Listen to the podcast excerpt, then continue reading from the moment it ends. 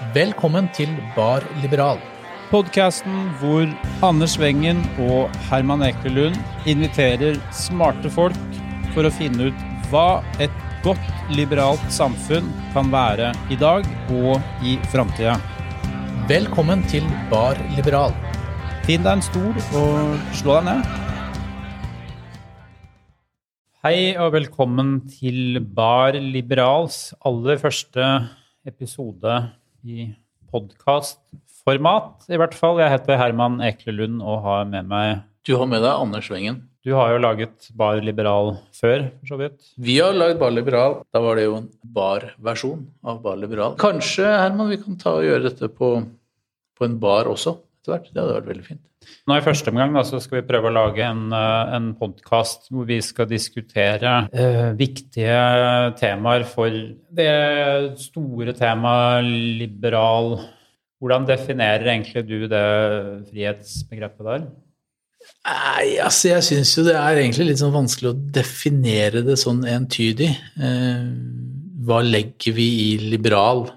Eh, i, I Venstre der har vi jo helt siden jeg begynte der, hatt en pågående diskusjon om hvorvidt det er forskjell på liberal og sosialliberal, hvor mange mener at det sosiale ligger implisitt i liberalbegrepet, mens andre av oss mener at, at, at, det ikke er så åpenbart, så derfor så legger vi til sosial foran liberal.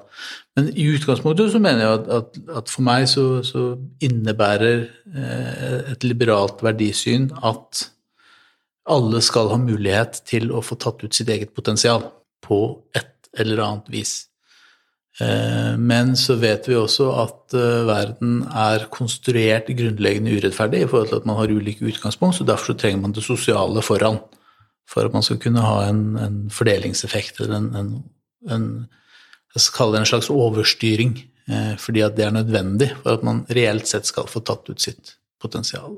Tanken med den samtaleserien som vi skal gjøre i dag her, er jo å drøfte tre av de Kanskje ikke de nødvendigvis aller viktigste frihetstemaene, men i hvert fall tre, tre frihetstemaer som er viktige eh, her og nå. De tre temaene vi skal gå gjennom i dag og ha samtaler om, du kan jo presentere det. Det ene er ytringsfrihet, som jo har vært, blitt aktualisert mye de siste året, i hvert fall, kanskje de siste to åra eh, knytta til denne debatten om, om woke, eh, sensurering osv. Den kom jo også opp litt sånn, og det har vært tiårsjubileum for 22. juli, og da har dette begrepet ytringsansvar også på en måte kommet opp igjen, eh, som er en del av den diskusjonen. Det andre er liberalisme eller nyliberalisme. Altså hva mener vi med økonomisk frihet? Hva er økonomisk ufrihet? Eh, hvordan er det samfunnet liksom bygd opp rundt uh, varianter av det. Og så har vi da det siste store, den store tematikken, som jo ikke egentlig har kommet så mye opp i denne valgkampen som kanskje noen av oss hadde trodd, og det er den som handler om, om kultur kulturliberalisme. Uh, og inni dette ligger jo diskusjoner som multikultur, innvandring, uh, toleranse, intoleranse.